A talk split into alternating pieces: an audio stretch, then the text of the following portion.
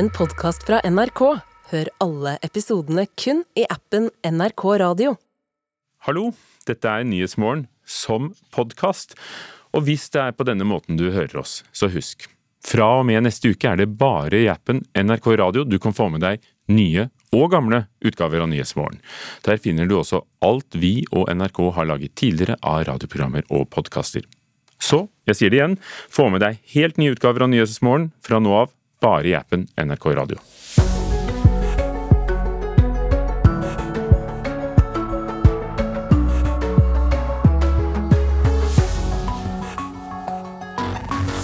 God torsdag. Klokka er halv sju. Dette er Nyhetsmorgen, og vi har bl.a. disse overskriftene i dag.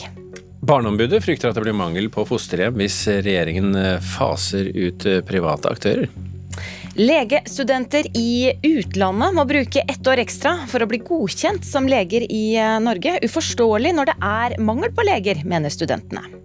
Jeg vil jo si at, at Danmark er like god som Norge. Så hvorfor skal ikke vi da bli likestilt med de norske studentene?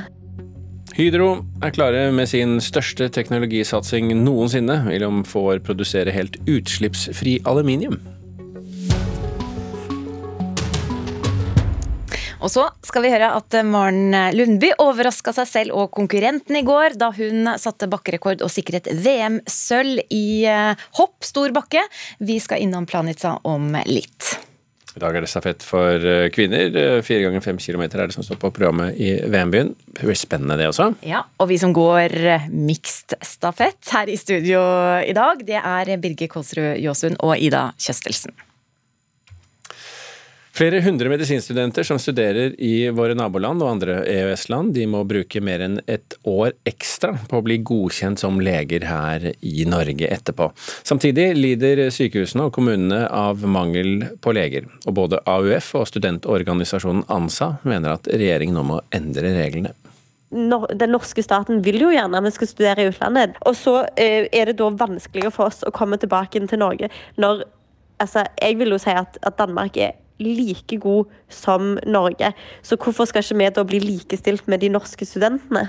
Det sier Helene Gylland, medisinstudent på sjette året i Danmark. Fordi Helene studerer i utlandet, må hun ta nytt praksisår i Norge for å bli godkjent som lege. Og da har hun allerede vært gjennom et års praksis på sykehus i Danmark. Eh, og så er det litt sånn forskjellig. Akkurat nå er jeg på gynekologisk avdeling og er med litt på operasjoner og Norske myndigheter godtar ikke praksis fra andre EØS-land. Og dette rammer flere hundre legestudenter årlig. AUF og studentorganisasjonen ANSA reagerer på forskjellsbehandlingen og ber myndighetene endre dette. At man må finne en løsning som raskt gjør at de her kan få godkjennelse i Norge, og selvfølgelig være kvalifisert for det, om det gjør at vi må ha noe ekstra kurs i Norge, sånn at vi kan få enda flere hender inn i helse i Norge. Det sier Astrid Hoem, leder i AF. For helsevesenet i Norge har stor mangel på leger. Det er viktig både for enkeltindividet at de kommer i arbeid og får brukt kompetansen de har opparbeidet seg, men også for samfunnet som står i den legekrisen og den legemangelen vi har. Så har vi ikke tid til å vente og la byråkratiet stikke kjepper i hjulene. Det sier ANSA-president Anna Hellesnes. I Helsedepartementet skriver statssekretær Ole Henrik Krath Bjørkholt i e-post at ulike EØS-land har ulike krav til utdanningsløpene. Men departementet lover likevel å se på ordningen for legestudentene i Danmark. Helene Ylands melding til norske politikere er tydelig. Altså, jeg jeg syns jo at de er nødt å godkjenne den danske praksisen og alle de andre utenlandske, utenlandske praksiser som er like gode som den norske, så vi kan begynne direkte på vår spesialisering. Reporter her det var Anne Cecilie Remmen og Christian Skårdalsmo. Så skal vi høre at regjeringen ønsker å fase ut private barnevernsaktører fra og med 1.7. Det får Barneombudet til å reagere. I et brev til Barne- og familiedepartementet uttrykker nå barneombud Inga Beyer Eng sin bekymring. Eh, det som er med den lovendringen, det er at den tar bort en av de to kanalene vi har for rekruttering av fosterhjem. Eh, og min bekymring, og det jeg har meldt inn flere ganger, er at det er uheldig at det skjer i en periode hvor det, den køen av barn som venter, fortsatt er altfor lang. Og det sa barneombud Inga Beyer Eng. Og vi skal snakke mer om denne saken etter klokka sju. Da kommer også barne- og familieminister Kjersti Toppe.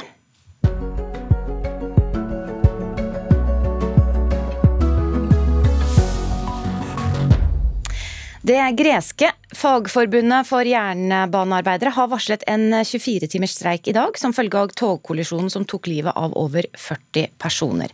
Streiken er en protest mot at jernbanenettet har blitt neglisjert av flere påfølgende regjeringer.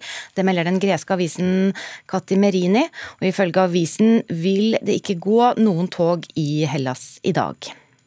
Flere passasjerer har overnattet på Alta flyplass i natt. Kveldsflyet ble nemlig innstilt, og alle hotellene i byen var samtidig fullbooket.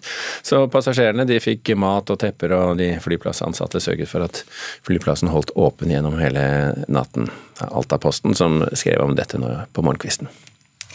Myndighetene i byen New York i USA har gått med på å gi erstatning til 300 demonstranter som ble anholdt under en protest i forbindelse med George Floyd-drapet. Demonstrantene saksøkte politiet i byen for behandlingen de ble utsatt for under en demonstrasjon 4.6.2020. Om forliket blir godkjent av en føderal domstol, vil hver demonstrant i så fall få minst 21 500 dollar tildelt i erstatning, noe som tilsvarer rundt 224 000 000 norske kroner. Og Mannen som soner en livstidsdom for drapet på Robert F. Kennedy i 1968, han nektes prøveløslatelse nok en gang etter mer enn 50 år i fengsel. Han har jo forsøkt å bli prøveløslatt 16 ganger tidligere, har ikke lykkes ham foreløpig. For to år siden sa en annen ja til eh, løslatelse, så det lå jo for så vidt an til det, men avgjørelsen ble da siden satt til side av guvernøren i California. Robert Francis, også kalt Bobby Kennedy, lillebroren til tidligere president John F. Kennedy, han var på god vei til å bli demokratenes presidentkandidat han, da han ble drept under et valgkampmøte i Los Angeles. Hydro har ambisjoner om å produsere aluminium uten utslipp av CO2.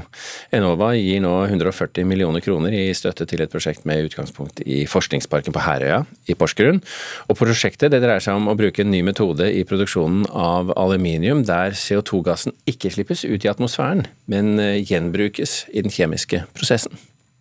I et laboratorium i kjelleren i forskningsparken på Herøya her er det meste strengt hemmelig, fordi her foregår det Hydro selv kaller forskning på vår mest banebrytende teknologi noensinne. Den nye metoden for å lage aluminium kalles halv zero. Espen Kjønneland Vefring er forsker i Hydro aluminium. Det nye med halv zero er at vi kan eh, produsere aluminium uten å slippe ut CO2. Tradisjonell produksjon av aluminium slipper ut store mengder CO2. 4% av Norges totale CO2-utslipp kommer fra aluminiumselektrolyse. Men Hydro, med 140 millioner kroner i støtte fra Enova, er nå i ferd med å utvikle en metode for CO2-fri aluminiumsproduksjon. Den CO2-en resirkulerer vi internt i prosessen, sånn at den, eh, den sirkulerer bare rundt og rundt og, og blir ikke sluppet ut. Og dette kan dere gjøre i stor skala, altså ikke bare inn på laboratoriet? Det kan vi gjøre i stor skala lykkes vi med det store teknologiløpet som vi nå har lagt opp, så, så vil det potensielt ha enorme effekter på verdens aluminiumsproduksjon. Det er stor interesse for å få ned CO2-utslipp fra all industri. Og forskningsparken på Herøya er i teten når det gjelder aluminium. Det er jo teknologimiljøet til Hydro her i Porsgrunn som er utspringet for, eh, for halseroprosessen. Det er veldig mange som, eh, som, jobber med den prosessen her nå i, i mange deler av Hydro. Hydro holder kortene tett til brystet i denne forskninga. Dette er virkelig hemmelig. Dere får komme inn her på laben. Her gjorde vi de første forsøkene. Dere har eh, fått se den første aluminiumkloriden som ble laga. Og så er det mye mer som finnes, som dere ikke får se. Ja, det var Espen Kjønland eh, Vefring eh, du hørte der. Han forsker i hydroaluminium. Reporter det var Stig Bolme. Og teknologidirektør i Hydro, Hans Erik Vatne, god morgen. God morgen. Du må fortelle oss hvorfor dette er så viktig. Ja, Både Hydro og Norge er en veldig stor produsent av aluminium. Og verden trenger masse aluminium. Så har vi da den utfordringen at når vi produserer aluminium, så produserer vi også CO2 som et biprodukt. Det er jo en stor utfordring, vi vet det i forhold til, til klima. Så kan Vi si det, vi er veldig heldige i Norge, fordi den strømmen vi trenger for å produsere aluminium, den er jo lagd på vann og vindkraft, som er fornybart. Så Derfor har jo vi bare en femtedel faktisk av CO2-utslippene sammenligna med konkurrenter fra f.eks. Kina, hvor strømmen er kullbasert. Mm. Men vi i Hydro er ikke fornøyd med en femtedel, vi skal til null. Og det er nettopp det denne Hal Zero-teknologien handler om. Det er altså ny teknologi som skal få utslippene fra aluminiumsproduksjonen helt ned på null. Det er banebrytende, det er ingen som har klart det i verden. Så det er jo den store, viktige utfordringen som og, vi jobber med. Og veldig enkelt forklart da, hva er det egentlig denne teknologien går ut på? Ja, Det som er utfordringen, det er at eh, du finner ikke aluminium i ren, fri form ute i naturen. Så Det kan du gjøre med gull. Alle har sett uh, filmer hvor man finner en stor gullklump. Noen få edle metaller de finnes i sin rene form. Mens alle andre metaller, sånn som aluminium, de er bundet til oksygenet i lufta.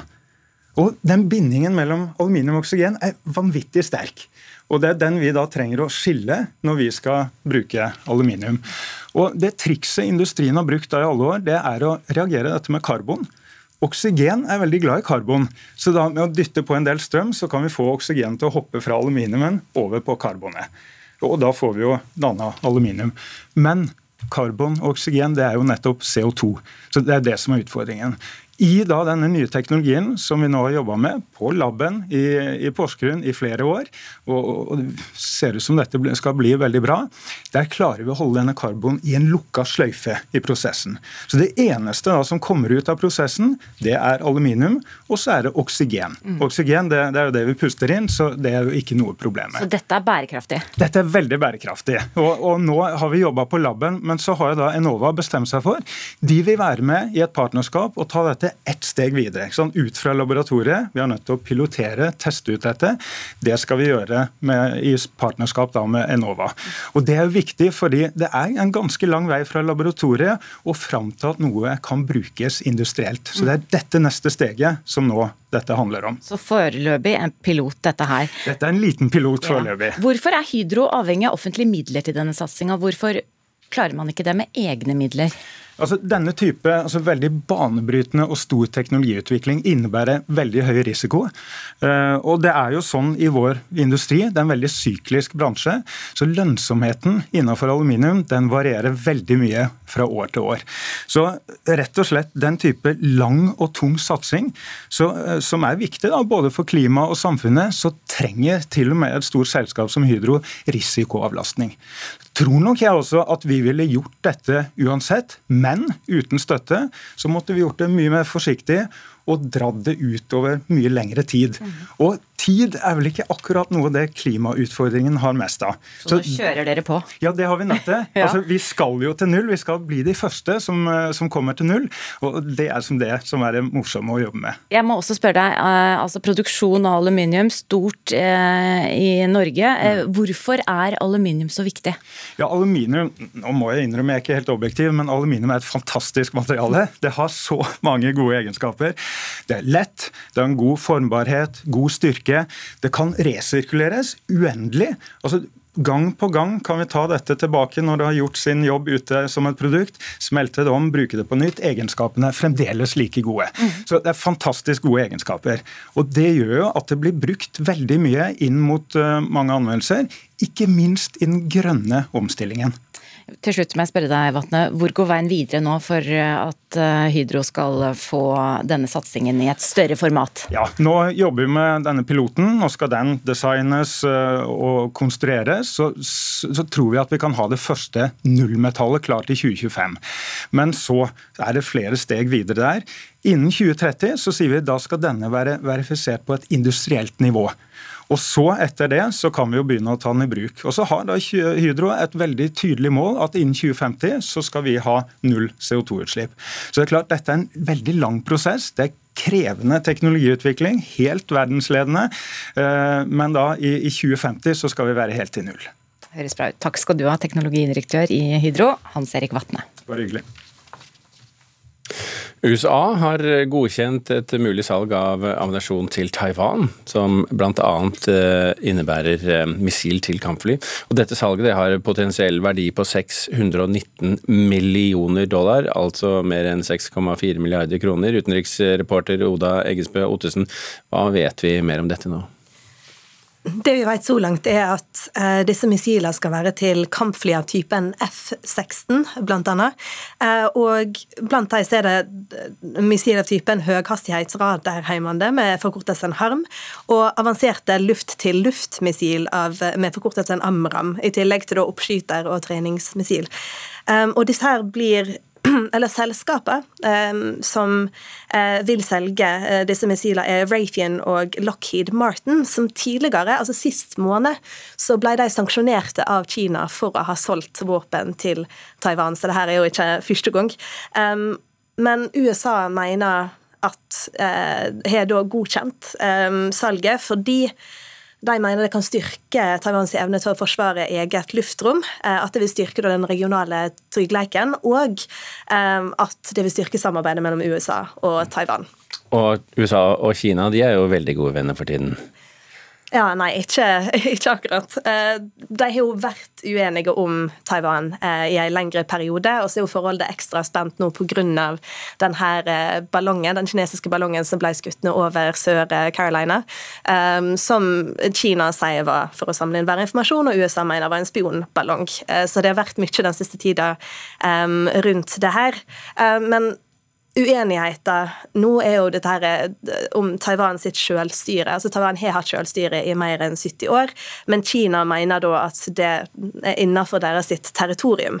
Um, så det er ikke ukontroversielt uh, fra deres side at USA selger uh, um, og våpen da, uh, til Taiwan. Men fra USAs side så er det ikke umotivert. Altså, de sier at Kina har styrka militæret sitt i løpet av den siste tida og kommet med provoserende provoserende handlinger, um, ifølge USA, så de mener da motiverer det her. Så forholdet var spent fra før, og det gjør det da ikke bedre. Oda Eggesbø Ottesen, takk for oppdateringen.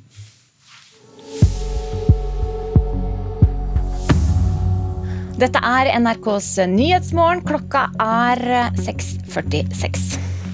Barneombudet frykter det blir mangel på fosterhjem hvis regjeringen faser ut private barnevernsaktører, slik de planlegger. Mange innvandrere går ikke til stemmeurnene rett og slett fordi de ikke er klar over at de kan stemme. Og organister i Den norske kirke skal ha kompetansekrav for å sikre faget. De vil ha kompetansefag for å sikre faget.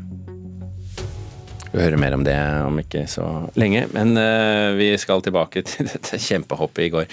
Uh, svært få hadde jo uh, trodd at Maren Lundby skulle klare å kjempe seg tilbake i manesjen, og, og, også kjempe seg tilbake til medalje da hun ble tatt ut til VM i Planica. I går så viste hun derimot at hun var å regne med selv etter denne tøffe perioden hun har vært igjennom. Det har vært um, mye, mye, trening, mye opp- og nedturer. Uh, mye usikkerhet egentlig rundt uh, min framtid som skihopper. Så det har vært ganske spesielt å oppleve, og håper jeg slipper å oppleve det en gang til. En tøff vei tilbake nådde sitt klimaks under gårsdagens storbakkekonkurranse for Maren Lundby. Ja da, kom igjen! Kom igjen, da, Maren! Ja, det er det! Det er foran alt else! Det er ingen tvil om det! Hun er på pallen! Og skal det bli gull? Jeg tror det, jeg! For jeg tror ikke at Lutit klarer å beherske denne situasjonen! Men 19-åringen fra Calgary i Canada hadde enda et godt hopp inne. Her kommer Canada! Å jo, hun klarer det! Ser det ut til! Har du sett på makan? Skal det bli det første VM-gullet til Canada gjennom tidene? Selv om Alexandria Lutit ble for sterk, føltes dette som gull for Lundby. Ganske uvirkelig, egentlig. Eh, etter alt som har vært i de siste to åra. Jeg hoppa ikke engang på ski i fjor, liksom. Og ganske røff vei tilbake, for å si det sånn. Så stå her med en sølvmedalje er eh, mye mer enn jeg hadde hoppet og drømme om i det hele tatt. Lagvenninne Silje Opseth hadde nesten ikke ord etter sølvvinnerens prestasjon. Helt vilt. Ja, fy søren. Jeg, jeg unner Maren det her så sjukt mye. Hun har jobba beinhardt, og det er Nei, det er skikkelig fortjent, rett og slett. Og det er eh, rått å se at det går an. Gullvinner Lotit sier det var Telemark-nedslaget som sikret gullet. It's pretty phenomenal. I'm super happy with my performance today. I was finally able to pull off a telemarking competition, which is something if you know you've seen my jumping, you've seen my, me struggling with that recently, but you know it kind of sealed the deal for me today. Nå skal hopperne snart til Norge for Raw Air, hvor de bl.a. skal hoppe skiflygning i Vikersund. Og det med en Lundby i form. Nei, det her er liksom kanskje en av mine største seire, sånn sett. For nå har jeg bevist for meg sjøl i hvert fall at jeg er, er tilbake. Reporter Edvin Strømme. Det tar fire år å utdanne seg til organist, men likevel har over en tredjedel av organistjobber i kirkene ingen krav til utdanning.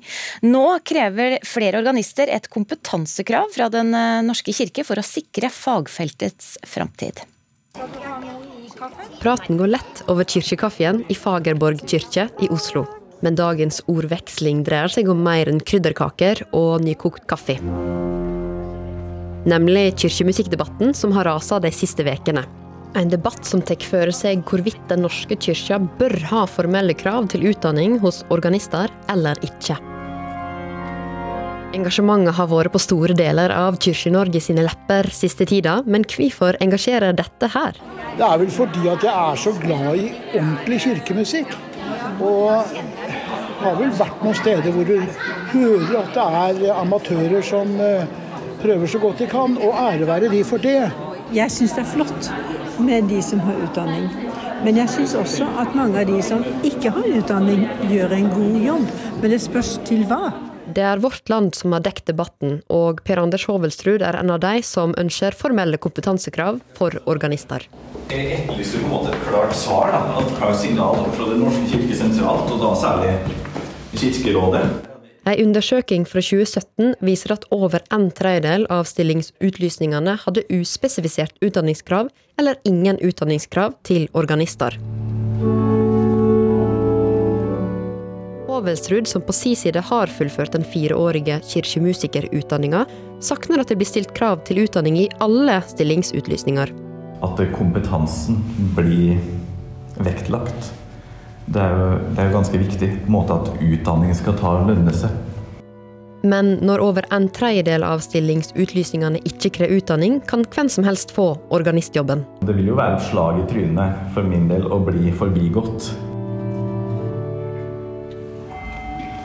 Det er hvert enkelt sokn som har ansvar for å tilsette organist, medan kvalifikasjonskravene i utlysningene blir bestemt av Den norske kyrkja sentralt. NRK har forsøkt å få en kommentar fra Den norske kyrkja. De svarer skriftlig at de allerede har mange høyt kvalifiserte musikere, og at de alltid trenger flere. Videre skriver de at Kirkemøtet har vedtatt kompetansekrav for alle som skal vigsles til kantor, og at de sørger for utdeling av stipend til kirkemusikere som ønsker å videreutdanne seg. Per Anders peker på at de kvalifikasjonene som trengs for å være organist, handler om langt mer enn bare å kunne spille. En forvalter jo kirkemusikk ja, fra de tidlige tider eh, og fram til nå i dag. Så er det liksom det er et stort spenn. Og jeg vil jo si at det, det er jo på en måte hele den bredda. Det på en måte å ha den forståelsen for alt som er. Reporter her var Ingrid Nedrebø. Så skal vi snakke om TikTok og sånne ting som kan ende opp med å få konsekvenser for oss her i Norge også. Utenrikskomiteen ved Representantenes hus i USA har nemlig gitt flertall til lovforslaget som gir president Joe Biden mulighet til å forby TikTok um, i det hele tatt. Reporter Ine Schwebs, fortell mer. Ja, det er jo et skritt nærmere at TikTok faktisk blir forbudt i USA. Og hvis dette blir implementert i amerikansk lov, så vil det bli den mest inngripende loven overfor en sosiale medieplattform noensinne. Vi må huske på at over 100 millioner amerikanere bruker TikTok, så det vil jo berøre utrolig mange brukere. Og Loven gir også presidenten mulighet til å forby andre apper som muligens overfører data til selskaper påvirket av Kina. på en eller annen måte. Men du sier hvis forbudet blir innlemmet i amerikansk lov. Var det ikke det som skjedde nå, da? Og hva skal eventuelt til? Ja, altså I natt så var det jo utenrikskomiteen ved Representantenes hus som stemte over forslaget. Og Der stemte 24 ja og 16 nei. Så det ble da flertall for å for lovforslaget. Men for at det i det hele tatt kan bli en faktisk lov, må det gjennom Senatet bl.a., og det kontrolleres av demokratene. Så hva betyr det? Det var jo republikanerne som foreslo denne loven i første omgang, og demokratene har ikke vært like positive. Så demokratenes øverste representant i utenrikskomiteen, Gregory Meeks, gikk før avstemning hardt ut mot dette lovforslaget. Han sier at han forstår bekymringene rundt TikTok, men kritiserer samtidig republikanerne for å ville forby alt de er imot. Men presidenten selv, Joe Biden, har så langt ikke kommentert på hva han mener om dette lovforslaget. Men TikTok de driver jo selv og lager sånne små begrensninger for seg selv. Små eller store, alt ettersom hvordan man ser det. Ja, altså Senest i går så kunne vi jo lese at TikTok selv innfører en sånn tidsbegrensning på 60 minutter for barn under 18 år. Men i det politiske landskapet så har det jo også vært en rekke innstramminger den siste tiden. Alle amerikanske regjeringskontorer må slette TikTok innen begynnelsen av april. EU-parlamentet og EU-kommisjonen har lagt inn forbud mot uh, bruk av TikTok på tjenestetelefoner. Alle danske folkevalgte har blitt bedt om å slette TikTok. Og Canada har også lagt inn forbud eh, mot bruk av TikTok for regjeringsmedlemmer. Og så her i Norge så har Frp nylig kommet med et forslag om å forby TikTok, og Venstre har bedt regjeringen om å se på reglene for TikTok på nytt. Ok, da har vi den siste oppdateringen eh, så godt det lar seg gjøre per nå. Dette kommer til å bevege seg videre etter hvert, tenker jeg. Ine takk skal du ha. Nå til Munch-maleriet 'Dans på stranden', som ble solgt på auksjonshuset Sotheby's i London i eh, går. Maleriet ble solgt for 181 millioner kroner på auksjonen. Dette er jo bare ett av tolv verk som Edvard Munch malte på bestilling fra den tyske direktøren, teaterdirektøren Max Reinhardt. Og denne samlingen da eh, har selvfølgelig fått navnet Reinhardt Friesen. Eh, riktignok er de elleve andre maleriene eid av tyske museer. Og det var skipsreder Arving Petter Olsen som solgte maleriet, og bildet har en usedvanlig historie, der andre verdenskrig og jødeforfølgelsen er eh, blant eh, sentrale temaer. Og den historien den kan du lese på nrk.no. Det ligger et par knep ned på siden der, sånn. Veldig fascinerende. Nå skal vi til at mange innvandrere går ikke til stemmeurnene rett og slett fordi de ikke er klar over at de kan stemme. Det har man opplevd i Tromsø kommune. Kommunen tar nå grep for å øke stemmeandelen blant innvandrere. Denne uka var det innspillsmøte der mange personer med innvandrerbakgrunn var til stede. Jeg tror det at mange ikke vet ikke sant, at eh, har lov til å, til å stemme og velge sine lokale myndigheter. Christian Penya mener det er viktig å få ut informasjon til innvandrere om demokratiet. Og selv planlegger han til høsten å gjøre noe han ikke har gjort før i Norge. Det kommer til å være den første valget hvor jeg skal delta, etter å ha bodd fem år i Norge. Jeg kommer selv fra Argentina. Og vi er et land som har på en måte en veldig høy valgdeltakelse. Vi er omtrent 80 av eh, folk som deltar i valget. Så for min del er det veldig viktig å kunne, å kunne på en måte være aktiv i den delen av norske, mitt norske liv. på en måte Å velge lokale myndigheter. Penja deltok eh, denne uka på et innspillsmøte Tromsø kommune hadde med lag og foreninger. Her var mange personer med innvandrerbakgrunn til stede. De lærte at de hadde stemmerett ved dette valget i dag under dette møtet, og var ikke klar over det før nå. Jeg tror det er veldig viktig med informasjonsarbeid da, frem mot valget. Det sier student og valgmedarbeider Praba Vaidianata. Unge folk og folk med innvandrerbakgrunn oppsøker i mindre grad stemmeurnene enn den øvrige befolkninga under valg. Nå vil Tromsø kommune ta grep for å nå begge disse gruppene. I forkant av høstens kommune- og fylkestingsvalg kan folk regne med å møte på demokratiguider, slik folk i Fredrikstad kommune har støtt på de to siste valgene. Demokratiguidene oppsøker folk i bydeler med lav valgdeltagelse. Det handler både om eh, å få ut informasjon om valg, om hvem som har stemmerett og hvordan man kan eh, foreta stemmegivning. Eh, det er det aller viktigste arbeidet i Demokratiguide. Og vi vet at det er mange som ikke vet at de har stemmerett. Sier Heidi Lydersen, valgansvarlig i Tromsø kommune. Det vi håper er å redusere forskjeller i valgdeltakelse. At vi ser at de interne forskjellene i vår kommune blir mindre. Og vi håper jo at dette tiltaket kan bidra nettopp til det. Man eh, trenger ikke å være norsk statsborger for å få stemmerett ved kommunevalget, i motsetning til ved stortingsvalget. Utenlandske statsborgere med minst tre års lovlig opphold får også denne valghøsten stemmerett, og den er de godt tjent med å benytte, mener Praba Vaidianata. Hva er viktig for dem? Er det, er det om det blir liksom nye oljefelt i, i nord, eller er det liksom eh, flyktningpolitikken i Norge, eller integreringspolitikken som er her. Hva er det som eh, jeg tror man må belyse hvilke saker som er viktige, da, eller hvilke saker som de eh, kanskje ikke har tenkt over burde være viktige eh, for dem. Ja, reporter her var Eirik Hind Sveen.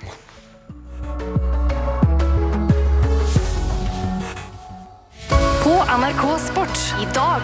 Langrennsstafett for kvinner står på programmet i VM på ski. Og det her blir vanvittig spennende! I tillegg får du verdenscup skiskyting sprint menn. Der kan det nok komme et støt! Sendingen starter klokka tolv. I dag på NRK Sport.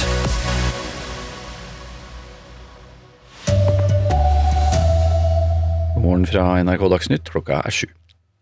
Flere hundre medisinstudenter som studerer i våre naboland og andre EØS-land må bruke mer enn ett år ekstra for å bli godkjent som leger i Norge. Samtidig lider sykehusene og kommunene under mangel på leger. Både AUF og studentorganisasjonen ANSA mener regjeringen må endre reglene. Den norske staten vil jo gjerne at vi skal studere i utlandet. Og så eh, er det da vanskeligere for oss å komme tilbake til Norge. Altså, jeg vil jo si at, at Danmark er like god som Norge. Så hvorfor skal ikke vi da bli likestilt med de norske studentene? Det sier Helene Gylland, medisinstudent på sjette året i Danmark. Akkurat nå er jeg på gynekologisk avdeling. Norske myndigheter godtar ikke praksis fra andre EØS-land. Man må finne en løsning som raskt gjør at de her kan få godkjennelse i Norge, og selvfølgelig være kvalifisert for det. Sa AUF-leder Astrid Hoem til slutt der, reporter Anne Cecilie Remen. Regjeringen ønsker å fase ut private barnevernsaktører fra og med 1. juli. Det betyr at barnevernstjenesten ikke kan inngå nye avtaler med private leverandører om plassering av barn i ordinære fosterhjem. Barneombudet er bekymret for at det kan føre til mangel på fosterhjem. Det blir mer om denne saken i Nyhetsmorgen på P2 og NRK1 straks. USA har godkjent et mulig salg av ammunisjon til Taiwan, som bl.a. innebærer missil til kampfly. Salget har en potensiell verdi på 619 millioner dollar, eller mer enn 6,4 milliarder kroner. Kinesiske myndigheter har allerede sanksjonert selskaper som har solgt militærutstyr til Taiwan, og det er ventet at kineserne kommer til å reagere på salget, sier utenriksreporter Oda Eggesbø Ottesen uenigheter nå er jo dette her eh, om Taiwan sitt selvstyre. Altså Taiwan har hatt selvstyre i mer enn 70 år, men Kina mener da at det er innenfor deres sitt territorium. Um, så det er ikke ukontroversielt uh, fra deres side at USA selger uh, missiler da, uh, til Taiwan. Men fra USAs side så er det ikke umotivert. Altså, de sier at Kina har styrka militæret sitt i løpet av den siste tida og kommet med provoserende provoserende handlinger, um, ifølge USA. Så de mener da motiverer det her. Så forholdet var spent fra før, og det gjør det da ikke bedre. Mannen som soner en livstidsdom for drapet på Robert F. Kennedy i 1968, nektes prøveløslatelse etter mer enn 50 år i fengsel. Prøveløslatelsesnemnda i USA mener at 78 år gamle Siran Shiran fremdeles mangler innsikt i hva det var som fikk ham til å skyte Kennedy. Robert F. Kennedy var lillebror til tidligere president John F. Kennedy, og var på god vei til å bli demokratenes presidentkandidat da han ble drept under et valgkampmøte i Los Angeles. NRK Dagsnytt, Anders Borgen Werring.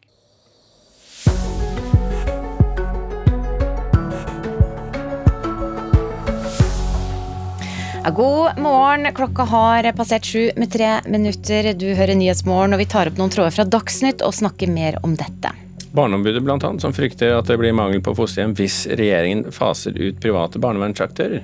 Det er uheldig at det skjer i en periode hvor det, den køen av barn som venter, fortsatt er altfor lang. Men hva er det nå egentlig de faser ut, og hva er det de ikke faser ut? Det skal vi få eh, klokkeklarhet i her eh, om litt, for barne- og familieministeren er på vei inn i studio. Pårørende til eldre på sykehjem opplever det som uverdig og lite respektfullt å måtte pakke sammen rommet mens avdøde fortsatt ligger i senga. I går markerte ukrainerne den første vårdagen, og utenriksministeren der kunne erklære at den ukrainske nasjonen hadde overlevd den verste vinteren noensinne. Men hvordan endres en krig i en ny årstid? Vi skal finne svar på det om litt. Og i studio denne torsdagen sitter Birger Kålsrud Jåsund og Ida Kjøstelsen. Regjeringen ønsker å stramme inn bruken av private barnevernsaktører fra og med 1.7. Dette gjelder både kommersielle og ideelle aktører. I går hørte vi at det er allerede mangel på fosterhjem i Norge, og utfasingen får dermed Barneombudet til å reagere. I et brev til Barne- og familiedepartementet uttrykker barneombud Inga Beyer Eng sin bekymring. I dag så er vi i en situasjon hvor altfor mange barn står i kø for å få fosterhjem. Og det er ofte barn som da blir værende under skadelig omsorg mens de venter på et fosterhjem. Regjeringen har bestemt at private barnevernsaktører skal fases ut fra og med 1.7. Det betyr at barnevernstjenesten ikke kan inngå nye avtaler med private leverandører om plassering av barn i ordinære fosterhjem. Dette bekymrer barneombud Beyer Eng, som denne uken sendte et brev til Barne- og familiedepartementet. Eh, det som er med den lovendringen, det er at den tar bort en av de to kanalene vi har for rekruttering av fosterhjem. Eh, og min bekymring, og det jeg har meldt inn flere ganger, er at det er uheldig at det skjer i en periode hvor det, den køen av barn som venter, fortsatt er altfor lang. Regjeringen har selv uttalt at de tror at en slik utfasing kan føre til at det offentlige rekrutterer fosterhjem som ellers ville blitt rekruttert av private. Det er Beyer Eng alvorlig bekymret for. Fordi at jeg, når jeg lytter til de som har vært fosterhjem, eller er fosterhjem i dag, og sier at det har vært avgjørende for dem å gå via det private fordi der får de tettere oppfølging, så er jeg riktignok ikke sikker på om de ville tilby å være fosterhjem eh, når de ikke får så god oppfølging. Og da må staten sørge for at de har god oppfølging. Ellers er jeg redd for de ikke klarer å rekruttere de samme familiene. I NRK-podkasten På innsiden av barnevernet følger NRK en saksbehandler i barnevernet som i mange måneder prøver å finne et fosterhjem til en tenåring. Og så har vi brukt eh, masse tid på å prøve å finne et eh, egna fosterhjem. Og i det offentlige så har vi ikke fått noe. Det tok syv måneder før barnevernet til slutt fant et egnet hjem til tenåringen. En privat aktør ble løsningen. Det har i hvert fall vært veldig påfallende at vi søkte om et fosterhjem for et halvt år siden, og har ikke fått noe. Imens det er en telefon bare til en av disse private. Og så kommer det en mail tilbake med tre alternativer. Altså ganske påfallende, da. Forskjell i hva de forskjellige har å tilby. Spiller det noen rolle for deg om det blir et privat eller et uh, offentlig fosterhjem? Nei, for meg spiller det ikke noen rolle. For meg er poenget at det skal være riktig sted. Hadde det offentlige tilbudt disse tingene, så hadde vi jo Så hadde, så hadde vi tatt det derfra. Altså det, det, handler jo om hvem, hvem, de menneskene er. Så det, det sender jo et signal på at det finnes fosterhjem, da, men de er ikke i det offentlige. Og hvorfor er det ikke det? Og hva kan vi gjøre for det? Beyer Eng understreker at det ikke er avgjørende for Barneombudet om tjenester i barnevernet leveres av offentlige eller private aktører men mener at lovendringen burde vært utredet grundigere. For å se på hvilke konsekvenser kan det få eh, for barn. Eh, og at man måtte være sikker på at man hadde bygd opp et godt alternativt offentlig tilbud før man faser ut det private. Ja, reportere her var Siamak Nematpour, Marit eh, Evertsen Grimstad og Bjørne Østrem Jukastein. Og stemmen til saksbehandleren eh, var fremført av en skuespiller. Barne- og familieminister Kjersti Toppe, god morgen. God morgen. Vi får bare plukke opp tråden fra Barneombudet her. Eh, hva vil du svare til hennes bekymring? Det som, eh, som, Stortinget har gjort, og som vi har fremmet forslag om, det er en, en innstramning i reglene for Eh, kommunen sin bruk av fosterhjem. Eh, vi har ikke vedtatt at det skal være verken en utfasing eller at en ikke skal kunne bruke private, men det er innramning i bruk av private vi har gjort en innstramning av. Eh, konkret betyr det at det etter juni da ikke vil være lov for en kommune å benytte en fosterhjemstjeneste der de private har gjort en direkte avtale med fosterheimen. Vi mener at er, den avtalen må skje mellom fosterheim og kommunen. Og Det er fordi at kommunen har jo et lovfesta oppfølgings- og omsorgsansvar for det barnet som blir, får et tilbud i en fosterheim, og det er et ganske stort ansvar. Da må kommunen ha oversikt og få informasjon nok om barn og hvordan de, de, den, ja, de, det barnet har det. Og dersom avtalen går rett ifra fosterheimen og det private, så blir det liksom det et mellomledd. Så vi frykter at kommunen da ikke får den, den informasjonen de trenger for å ivareta barns beste. Men, Dette, men, men Toppe, nå har vi jo de siste mm. da, i dag og i går fortalt at det går altfor lang tid mm. fra, um, fra um, behovet, eller avgjørelsen mm. om at det er et behov, oppstår, til barnet faktisk får et fosterhjem. Vil ikke det avgjørende være å få den tiden ned så mye som mulig, og ikke tenke mm. så mye på eh, formaliteter? Jeg er helt enig i at uh, dagens situasjon er uakseptabel. og Den er jo kommet på tross av at uh, de private kan gå inn i direkte avtale og vi har dagens situasjon. Så tror ikke jeg at den lovendringen ja, altså vi, Den er jo vedtatt for et år siden i Stortinget, og det har blitt varslet at den skal, den skal inn og bli gjeldende nå fra eh, sommeren av. Det som er viktig, og som kanskje blir misforstått i denne debatten, det er at de private fremdeles skal kunne få rekruttere dersom kommunen ønsker at de skal gjøre det. Private skal fremdeles eh, kunne drive oppfølging av fosterhjemmer. Eh, og denne regelen gjelder heller ikke beredskapshjem eh, eller, eh, eller spesialiserte fosterhjem, som er en litt annen type fosterhjem. Og det gjelder heller ikke der det allerede er inngått eh, avtaler. Så det gjelder for nye avtale og en, en annen regel for hvordan det private samarbeidet skal eh, skje. Men, men, men øh, jeg øh, dette er jo veldig, åpenbart eh, ganske komplisert. Det er ikke så veldig komplisert. Det er bare at kommunen må ta ansvaret og ha en direkte kontrakt med fosterheimen, fordi at det er det som er kommunens ansvar. Så kan de benytte private som de vil utenom det. Men det, det som gjør det komplisert for meg, det er jo at flere av de kildene vi snakker med, og, og Organisasjonen for barnevernsbarn, sier at de private får til dette bedre enn det offentlige. Og så sier dere at da skal vi ha eh, mer offentlig. Det er det som gjør det litt vanskelig for meg å forstå. Vi kan fremdeles ha eh, at eh, de private er med å rekruttere, men det som jeg er helt enig eh, med innspillene om, det er at vi har vært for dårlige i det offentlige, og vi må bli bedre. Og Den køen som har vært i mange år, på tross av at private har bidratt, har jo vært altfor lang. og Det er smertelig å tenke på de ungene som sitter og venter opptil et år bare på å få en plass å bo.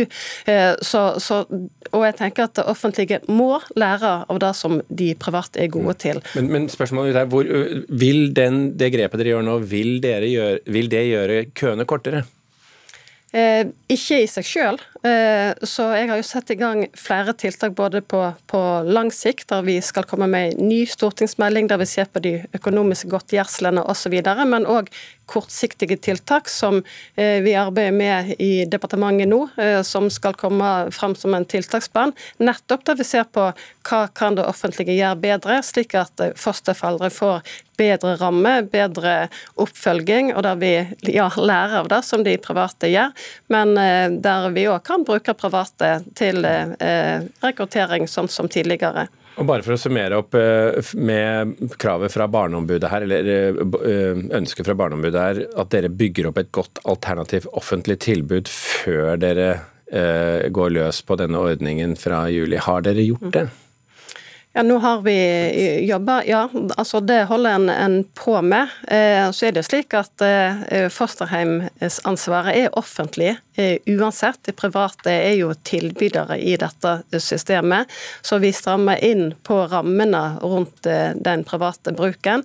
Eh, det kan fremdeles eh, bidra, men at det offentlige og at vi må bygge opp det tilbudet, det er det ingen tvil om, og det, det jobber jeg med. Og det er et, et veldig veldig viktig arbeid.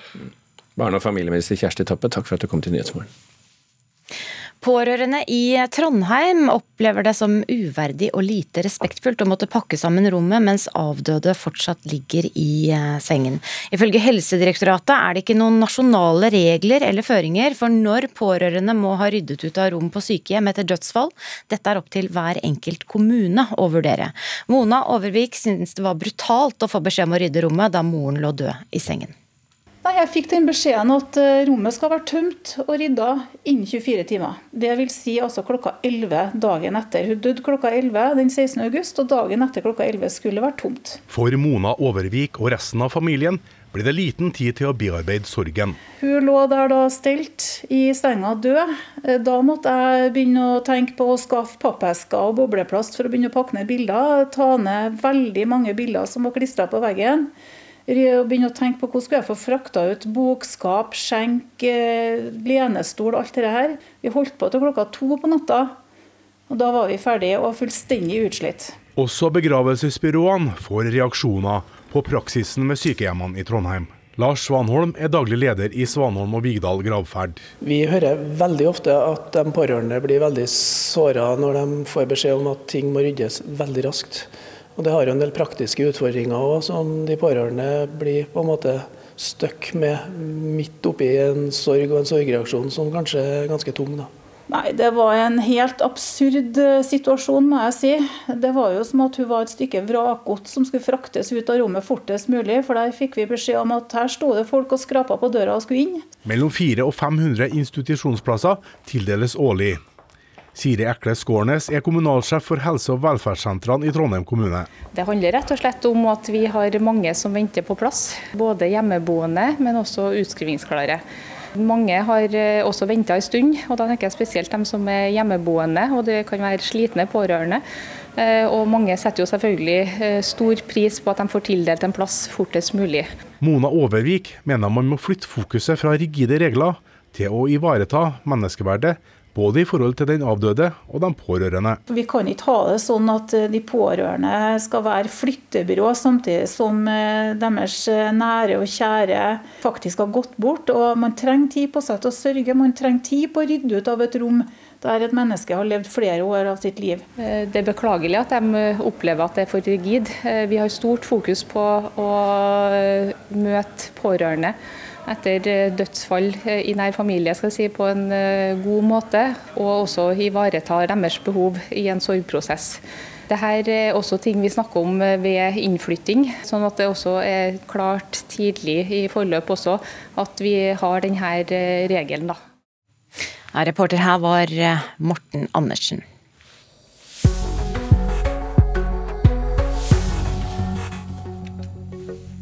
Dette er Nyhetsmorgen. Klokken er eh, drøyt 16 minutter over sju, og vi har eh, følgende saker å følge oss i dag. Ja, Barneombudet frykter altså at det blir mangel på fosterhjem hvis regjeringen strammer inn, eh, på bruken av private barnevernsaktører. Barne- og familieminister Kjersti Toppe sier det fremdeles skal være mulighet for private å tilby fosterhjem. Pasienter som ikke møter opp til sykehustimer har blitt et så stort eh, problem at Helse Førde nå går aktivt ut og oppfordrer folk om å skjerpe seg. Og togene står i Hellas i dag. Greske jernbanearbeidere streiker etter ulykken natt til i går som tok livet av over 40 mennesker.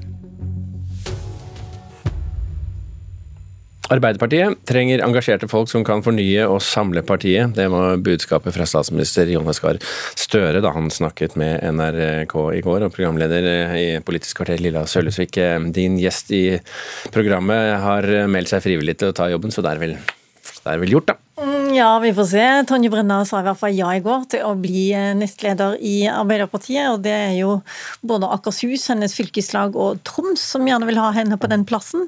Eh, Tonje Brenna har, eh, er kunnskapsminister og har styrt Viken. Hun har også vært generalsekretær i AUF, og er, hvis hun kommer inn i ledelsen, så blir jo hun den første fra den såkalte Utøya-generasjonen som, som går inn i ledelsen i Arbeiderpartiet. Men det, hun har jo ikke blankofullmakt til å ta den jobben. Det er jo flere kandidater her, er det ikke? Absolutt. Hadia Tajik har meldt seg på. Hun har støtte fra Rogaland Arbeiderparti. Og hun vil jo gjøre comeback etter at hun måtte gå av i fjor. Eh, Jeg har spurt Hadia Tajik om å komme også. Hun eh, sa nei, men kanskje hun kan komme senere, som hun sa. Vi får se. Nå i dag er det i hvert fall bare Tonje Brenna som er gjest hos oss. Og vi får høre hvordan hun har tenkt å fornye og samle partiet som hennes støttespillere mener hun skal være best til. Mm. Og så eh, får vi jo Er det bare henne som kommer? Kommer det noen kommentatorer? Nei. Jeg må jo spørre også en kommentator, Tonje Sofie eh, Aglen her i NRK, hvem av disse hun tror har eh, best sjanse til å vinne fram. Vi får litt analyse med på kjøpet også hvis vi hører på Politisk kvarter. Absolutt. Kvart på åtte. I går, 1. mars, markerte ukrainerne den første vårdagen, og utenriksminister Koleba kunne erklære at den ukrainske nasjonen hadde overlevd sin verste vinter noensinne.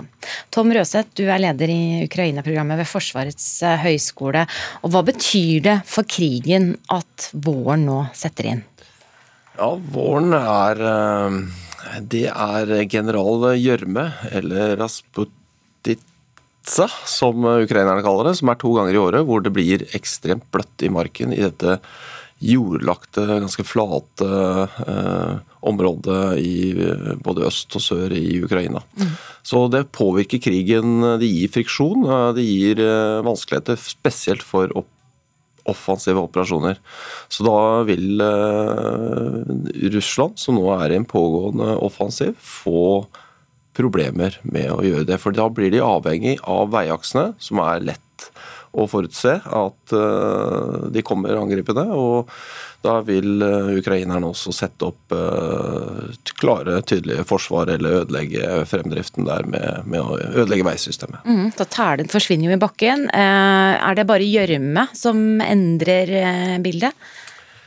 Eh, ja, altså det er vel eh, hovedutfordringen, vil jeg si. Fordi eh, da når stridsvogner, eh, pansrede kjøretøy, altså selv beltevogner, som er veldig godt egnet til å kjøre utenfor vei, de får da eh, store mm, problemer med å få fremdrift i gjørmen, og spesielt også da hjuldrevne kjøretøy. Så, så, det vil påvirke krigen i stor grad i de kommende, den kommende måneden, vil jeg si. Mm, og Hva slags konsekvenser kan det få da, både på, for ukrainske del og for russiske styrker?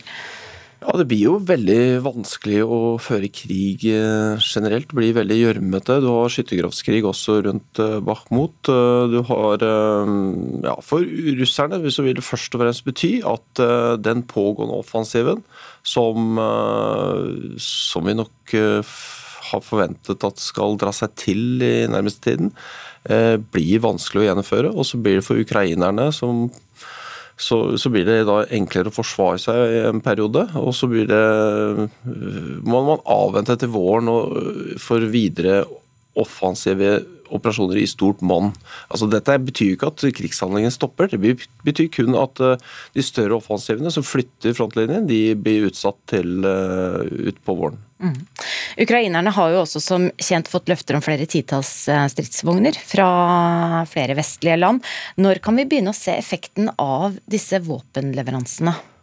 Ja, Nå har polakkene allerede signalisert at de har levert eh, noen få eh, Leopard-stridsvogner. Og så tar det nok en god tid før du får amerikanske stridsvogner inn, og, og større mengder med uh, Leopard-stridsvogner fra andre uh, Nato-land. Så jeg tror nok uh, vi vil se dette først noen en måned fram i tid. Det kan komme sammen med altså tørkingen eh, etter denne fuktighetsperioden. Og, og, I tillegg til stridsvogner, det er jo ikke det eneste som er viktig, det er veldig viktig, og vel så viktig, ja, eh, er jo da panserstormvognene, altså de lettere pansrede kjøretøyene som har eh, kanoner, men også kan frakte infanteri, som er lovet av flere allierte i forkant av stridsvognene. Mm -hmm. Så når dette kommer om en måned, kanskje to, så, så, vil eh, det gjøre en effekt på slagmarken. Og Ukrainerne sier jo at dette her er jo i noe de læres opp veldig fort. så det er vel leveransene som er hovedutfordringen, ikke nødvendigvis opplæringen. Mm, effekt på slagmarkene, sier du. Hvordan vil det merkes at Ukraina får nye våpen og tar de i bruk? Ja, da får de jo komple implementert en, forskjellige mekaniserte da, enheter. Og så skal du angripe offensive operasjoner eller forsvare deg godt, så må du ha en kombinasjon av forskjellige styrker. og da er stormpanservogner, eh, som nevnt, og også stridsvogner. Eh, viktige komponenter. Stridsvogner gir stor slagkraft og kan da ta ut eh, store, eller viktige mål da, eh, på, på motstanders side. Så Klarer man å få dette til å fungere i kombinasjon med artilleri i bakkant og infanteri, eh, så er eh, man i god gang med suksess på slagmarken. Ja, Vil Ukraina komme på offensiven da? Det er eh, det mange som tror. Jeg tror også at ukrainerne vil forsøke til våren. Men det vil kanskje også russerne, siden de da blir eh, ja, frarøvet en offensiv nå pga. denne fukt- eh, og gjørmeperioden. Mm. Takk skal du ha, Tom Røseth, leder altså av Ukraina-programmet ved Forsvarets høgskole. Her hjemme fortsetter demonstrasjonene mot regjeringens behandling av Fosen-saken. Også i dag så sperrer aksjonister inngangen til flere departementer. De protesterer mot at lite har skjedd etter at Høyesterett for 507 dager siden slo fast at vindkraftverk på Fosen i Trøndelag bryter med samenes rettigheter. Reporter Berit eh, Inger Mattisdatter Eira, hvordan, eh, hvordan ser det ut ved regjeringskvartalet akkurat nå? Det er masse folk som har samla seg utenfor OED i dag, syvende dagen av demonstrasjonene her. Med meg har jeg sametingspresident Silje Karine Motka. Hvordan er stemninga her på morgenkvisten? Det er jo eh, veldig eh, det samme som det har vært tidligere. Det er sterkt samhold mellom ungdommer som har en sterk vilje til å vise at de kjemper for eh, rettsstaten og for rettferdighet for Fosen i arket. Du har et møte med minister Terje Aasland i dag. Hvordan, hvilke forventninger har du til møtet der? Eh, ja, jeg håper på rettferdighet for Fosen i arket, men jeg går til alle møter med, med eh, håp og tro på at vi eh, kan komme videre. Men det jeg erkjenner at det er, det er en krevende sak. Så vi har mye, mye å jobbe med, og det tror jeg hele, hele landet er blitt klar ut av, ut av denne uka. Men eh, jeg vil i hvert fall gjøre det jeg kan for å se om hvordan vi kan da avklare en del ut av de utfordringene som vi har. Bare med å bli enige om prosess og hva det slags problem vi har. Mm. Vi hører jo at eh, det kommer tilreisende fra hele Norge, om ikke hele Sámi. Hvordan, eh, hva du syns om det her? Den enorme støtten de ungdommene har fått? Jeg er utrolig rørt over ungdommene. Det har gjort stort inntrykk på meg, det her engasjementet. Jeg tror ungdom i dag lever under stort press. Eh, mange arealsaker, mye usikkerhet og bekymring om fremtida, netthets. Og jeg tror at eh, de føler at de må gjøre noe. Og Det kommer til uttrykk på denne måten. Og Det er en veldig, eh, veldig god ting, for jeg ser at det er sterk solidaritet mellom samisk ungdom. Og jeg er helt enig, det er imponerende. Så jeg tror nesten alle kjenner på at de gjerne skulle komme, hadde mulighet til å reise fra skole og alt for å komme hit. Og, og det betyr veldig, veldig mye, da. Ja, der hører vi siste nytt fra demonstrasjonene utenfor OED. Birette Enger Mattisdatter Eira, takk skal du ha. Så skal vi til pasienter som ikke møter opp til sykehustimer. Det har blitt et så stort problem at Helse Førde nå går aktivt ut og oppfordrer folk eh, om å skjerpe seg. Mens flere av de største helseforetakene melder om stabile tall, ser Helse Førde en markant økning under og etter pandemien. I fjor var det 5000 som ikke møtte opp til konsultasjonstimene sine i Helse Førde. Nei, det er vel kanskje det at de glemmer det. Store skjelven antagelig. Nei, At det er forskjellig, men det tror jeg ikke, men det er likegyldige. Du tenker, på, tenker ikke på de andre som kunne ha hatt behov for den timen. Sykehus sliter med at folk ikke møter til konsultasjonstimene sine. På Ahus var det 4,8% som ikke møtte til time i 2022, mens på Oslo universitetssykehus var det 3,2% Og i Førde er tendensen den samme. Av konsultasjoner som var i spesialisthelsetjenesten Førde, så var det i overkant av 5000 pasienter som ikke møtte, og som da ikke hadde gitt beskjed på at de ikke møtte. Det sier Asle Kjølaug, fagdirektør ved Helse Førde. Dette skaper kapasitetsutfordringer for sykehusene. Det setter sekretærtjenestene våre under ganske stort press i forhold til å finne nye tidspunkt for time. Den knappheten vi har av tilgjengelige spesialister innen noen fagfelt, gjør at vi, det er viktig at vi er så effektive som mulig. I Helse Bergen har de den samme erfaringa. 97% møter til time, men 3% er det som ikke møter. Så det, det er en liten andel, men det er likevel ganske mange pasienter det dreier seg om. Det sier Klara Gjesdal, viseadministrerende direktør i Helse Bergen. Det fører til at ressurser som ellers kunne blitt brukt på andre, ikke blir brukt i det hele tatt. Det er mange involverte i eh, et eh, poliklinikkbesøk. Gjerne spesialundersøkelser skal gjøres. sånn at eh, Da står den tiden ledig, og den kunne vært brukt til en annen pasient. Men hvis folk blir flinkere til å avbestille timene sine, kan det da føre til kortere ventetid for de som står i kø? Absolutt. Og vi har lange ventelister. Det ønsker vi jo ikke å ha. Vi ønsker å få gitt eh, tilbudt pasientene timer. Både Gjesdal og Kjørlaug oppmoder folk til å bli bedre på å si ifra. At vi må være bevisste på at de må ikke ta spesialisthelsetjenesten for gitt. Gi den goden til noen andre som står og venter. Reporter her var Synne Malene Sandven. NRK P2. Tenk å kunne ønske seg til mange penger tenke seg til god helse, eller skrive seg til kjærlighet og lykke.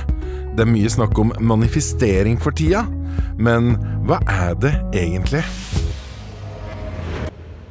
Er det bare humbug å tro at tankens kraft er det som kan hjelpe deg, eller blir vi sterke av å ha trua? Kompass, i dag klokka tolv i NRK P2.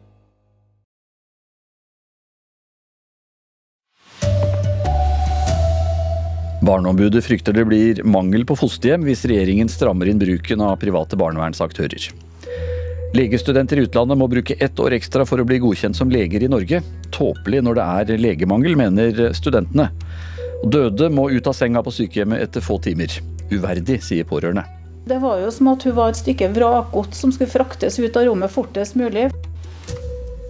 Her er NRK Dagsnytt, klokka er 7.30. Regjeringen eh, vil altså stramme inn på bruken av private barnevernsaktører fra og med 1.7. Det får eh, Barneombudet til å reagere. I et brev til Barne- og familiedepartementet så uttrykker barneombud Inga Beyer eh, sin bekymring. I dag så er vi i en situasjon hvor altfor mange barn står i kø for å få fosterhjem. Og det er ofte barn som da blir værende under skadelig omsorg mens de venter på et fosterhjem.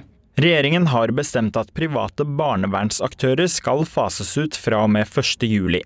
Det betyr at barnevernstjenesten ikke kan inngå nye avtaler med private leverandører om plassering av barn i ordinære fosterhjem. Dette bekymrer barneombud Beyer Eng, som denne uken sendte et brev til Barne- og familiedepartementet. Det som er med den lovendringen, det er at den tar bort en av de to kanalene vi har for rekruttering av fosterhjem. Og min bekymring, og det jeg har meldt inn flere ganger, er at det er uheldig at det skjer i en periode hvor det, den køen av barn som venter, fortsatt er altfor lang. I NRK-podkasten På innsiden av barnevernet følger NRK en saksbehandler i barnevernet som i mange måneder prøver å finne et fosterhjem til en tenåring. Og i det offentlige så har vi ikke fått noe Imens det er en telefon bare til en av disse private, og så kommer det en mail tilbake med tre alternativer. Regjeringen har selv uttalt at de tror at en slik utfasing kan føre til at det offentlige rekrutterer fosterhjem som ellers ville blitt rekruttert av private. Det er Beyer Eng alvorlig bekymret for. Fordi at jeg, Når jeg lytter til de som har vært fosterhjem, eller er fosterhjem i dag, og sier at det har vært avgjørende for dem å gå via det private fordi der får de tettere oppfølging, så er jeg riktignok ikke sikker på om de ville tilby å være fosterhjem når de ikke får så god oppfølging. Og Da må staten sørge for at de har god oppfølging. Ellers er jeg redd for de ikke klarer å rekruttere de samme familiene. Reportere her det var Siamak Nematpour og Bjørne Østrem Jukastein. Barne- og familieminister Kjersti Toppe har denne forklaringen på hvorfor de strammer inn. Konkret betyr det at det etter juni da ikke vil være lov for en kommune å benytte en fosterhjemstjeneste der de private har gjort en direkte avtale med fosterheimen. Vi mener at eh, det er, den avtalen må skje mellom fosterheim og kommunen. Ønsket fra Barneombudet er at dere bygger opp et godt alternativ offentlig tilbud før dere går løs på denne ordningen fra juli. Har dere gjort det? Det holder en, en på med. Så er det slik at eh, fosterheimsansvaret er offentlig uansett. De private er jo tilbydere i dette systemet. Så vi strammer inn på rammene rundt eh, den private bruken. Det kan fremdeles eh, bidra, men at det offentlige og at vi må bygge opp det tilbudet, det er det ingen tvil om. Sa barne- og familieminister Kjersti Toppe. Hun ble intervjuet av Birger Kolsrud Jåsund skal vi høre at flere hundre medisinstudenter som studerer i våre naboland og andre EØS-land, må bruke mer enn ett år ekstra for å bli godkjent som leger i Norge. Samtidig lider sykehusene og kommunene av mangel på leger. Både AUF og studentorganisasjonen ANSA mener regjeringen må endre reglene den norske staten vil jo gjerne at vi skal studere i utlandet. Og så eh, er det da vanskeligere for oss å komme tilbake til Norge. Altså, jeg vil jo si at, at Danmark er like god som Norge. Så hvorfor skal ikke vi da bli likestilt med de norske studentene?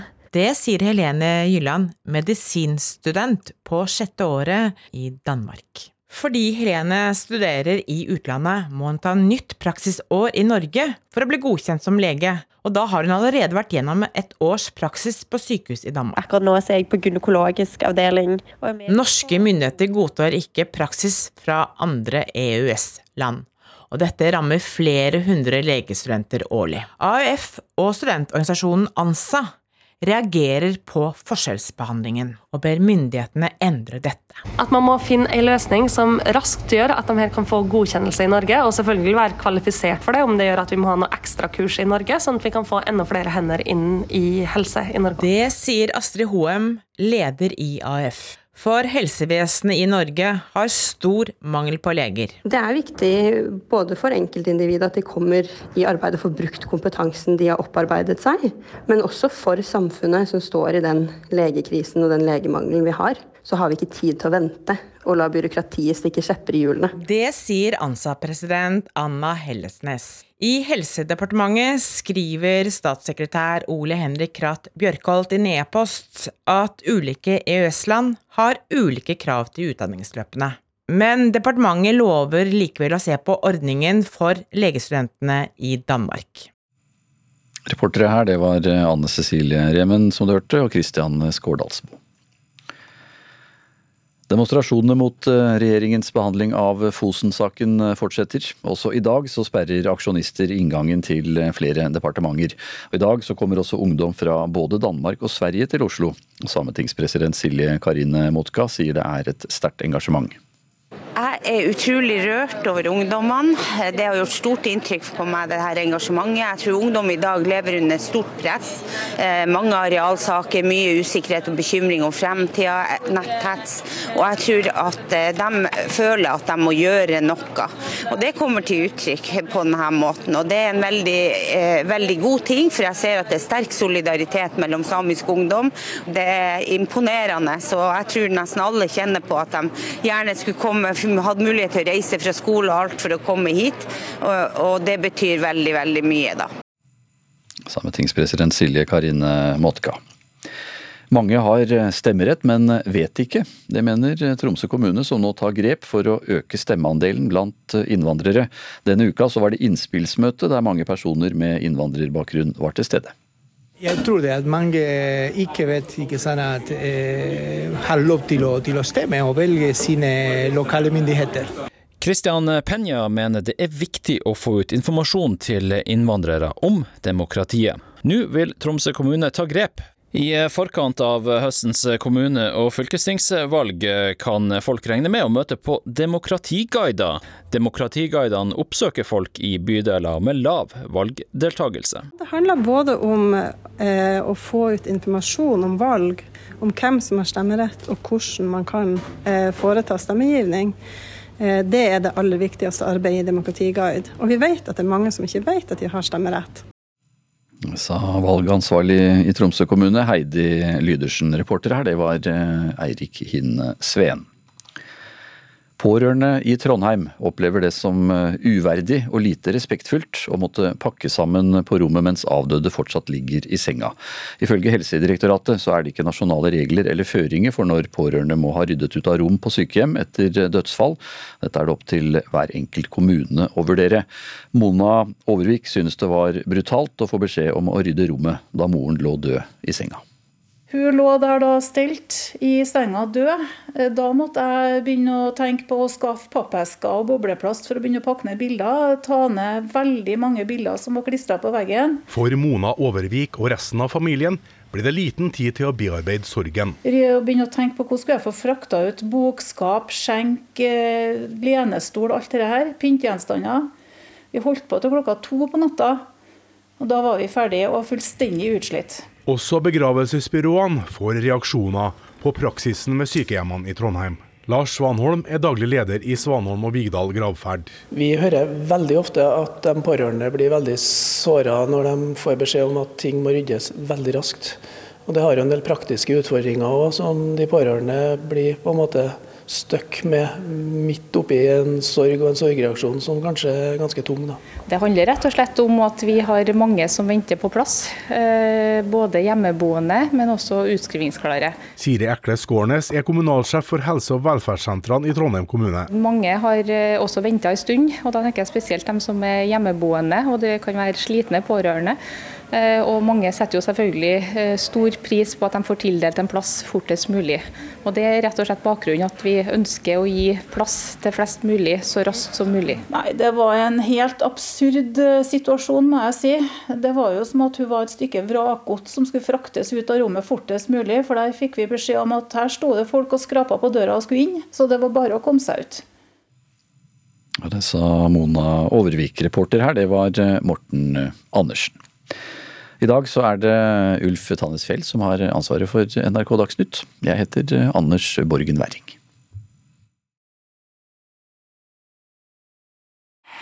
En podkast fra NRK. Vi kommer inn i gangen og kommer nesten ikke videre. For vi tråkker over så mye søppel, eh, mat, klær, leker. En toåring og en tenåring står midt i hver sin krise. Det er jo fælt. Altså, hun er jo liten, og så kommer det liksom fremmede inn som skal ta henne med seg. Hvor er mamma? Hvor er pappa? Jeg heter Marit Evertsen Grimstad, og jeg har vært på innsiden av barnevernet. Podkasten På innsiden av barnevernet hører du først i appen NRK Radio. Men nå hører du og ser på NRK Nyhetsmorgen. Klokka er eh, ti over halv åtte, 7.40. I dag skal fetteren til eh, Birgitte Tengs møte justisminister Emilie Enger Mehl. Han er med via videolink fra utlandet hvor han bor, mens faren hans og advokat Arvid Sjødin møter fysisk opp i Oslo. Fetteren ble dømt for drapet på Tengs i 1997, men frikjent året etter. Likevel ble han dømt til å betale en erstatning til Birgittes foreldre. Og stempelet som drapsmann hadde han eh, på seg helt fram til Agder lagmannsrett i fjor opphevet erstatningsdommen. Og i forrige måned ble Jonny Vassbakk dømt for drapet på Birgitte Tengs. Reporter Gisle Jørgensen, du eh, har fulgt denne saken godt, og hva skal dette møtet dreie seg om i dag? Nei, Det handler jo om at uh, justisminister Emilie Enger Mehl i fjor høst, før denne uh, opphevelsen av erstatningsdommen kom, så sa hun at hun ville se på lovverket som gjorde at fetteren havna i den situasjonen han gjorde. Da sendte en av advokatene til fetteren, Bent Endresen, et brev til Mehl og ba om et møte der de kunne se på en minnelig løsning for erstatning. For fetteren han har jo uttalt til NRK at eh, de siste 25-26 årene de får han aldri tilbake igjen, og at det har fått enorme følger både for han og hans familie å ha det stempelet på seg gjennom alle disse årene. Mm. Du er selv på vei til Oslo nå for å følge møtet, og hva blir det viktigste for fetteren å få fortalt? Det som jeg er inne på, det er jo å få fortalt hvordan disse siste 26 åra har eh, vært. Han, han, er jo nærmest forvist til, til, utlandet. I 2011 fikk han jo en jobb i en bank her i, i Norge. Han har en solid økonomiutdannelse fra, fra utlandet, fetteren. Eh, fikk denne jobben, men eh, da banken oppdaga at han faktisk var fetteren til Birgitte Tengs, så trakk de jobbtilbudet. Eh, nå vant riktignok fetteren den saken i, i retten, men i praksis så har det jo for fetteren betydd at han ikke kan bo og leve i Norge. Han kan ikke få seg jobb i Norge, og det er jo en av de tingene som eh, fetteren helt sikkert kom til seg. Eh, og så vet jeg at far til fetteren han, eh, han sa det at de eh, månedene fetteren satt i fengsel, var ikke det verste. Det verste var da han ble frikjent og likevel ble dømt til å betale en erstatning til foreldrene til Birgitte Tengs. Å få det stempelet på seg når en var frikjent og uskyldig, det var det verste. Og Det har vært eh, en stor belastning for familien, og, og faren er jo blitt uføretrygda etter at dette skjedde. Og I dag møter han altså justisminister Emilie Enger Mehl. Hva kan komme ut av møtet, Jørgensen? Nei, det er jo klart at eh, En kan ikke forvente nå at en skal få eh, en erstatning over bordet. Eh, Justisdepartementet kaller dette et lyttemøte. Eh, de skal høre på hva fetteren har å si, og, og hva familien hans eh, har å si. Eh, men det er nok ingen tvil om at eh, fetteren og hans advokater og familien ønsker en minnelig ordning, sånn at de slipper nye rettsrunder for å få den erstatning som de mener de har krav på. Ja, takk skal du ha, reporter Gisle Jørgensen. Straks blir det Politisk kvarter her i eh, NRK P2. Eh, vi skal ta med et par overskrifter her i Nyhetsmorgen først. Barneombudet frykter det blir mangel på fosterhjem hvis regjeringen strammer inn bruken av private barnevernsaktører. Det har vi snakket om i dag. Legestudenter i utlandet må bruke ett år ekstra for å bli godkjent som leger i Norge. Tåpelig når det er mangel på leger, mener studentene. Og så eh, fortsetter demonstrasjonene mot regjeringens behandling av Fosen-saken i dag. Eh, aksjonistene sperrer inngangen til flere departementer. Og i dag kommer også ungdom fra både Danmark og Sverige til Oslo. Nå sitter Lilla Sølhusvik klar med Politisk kvarter.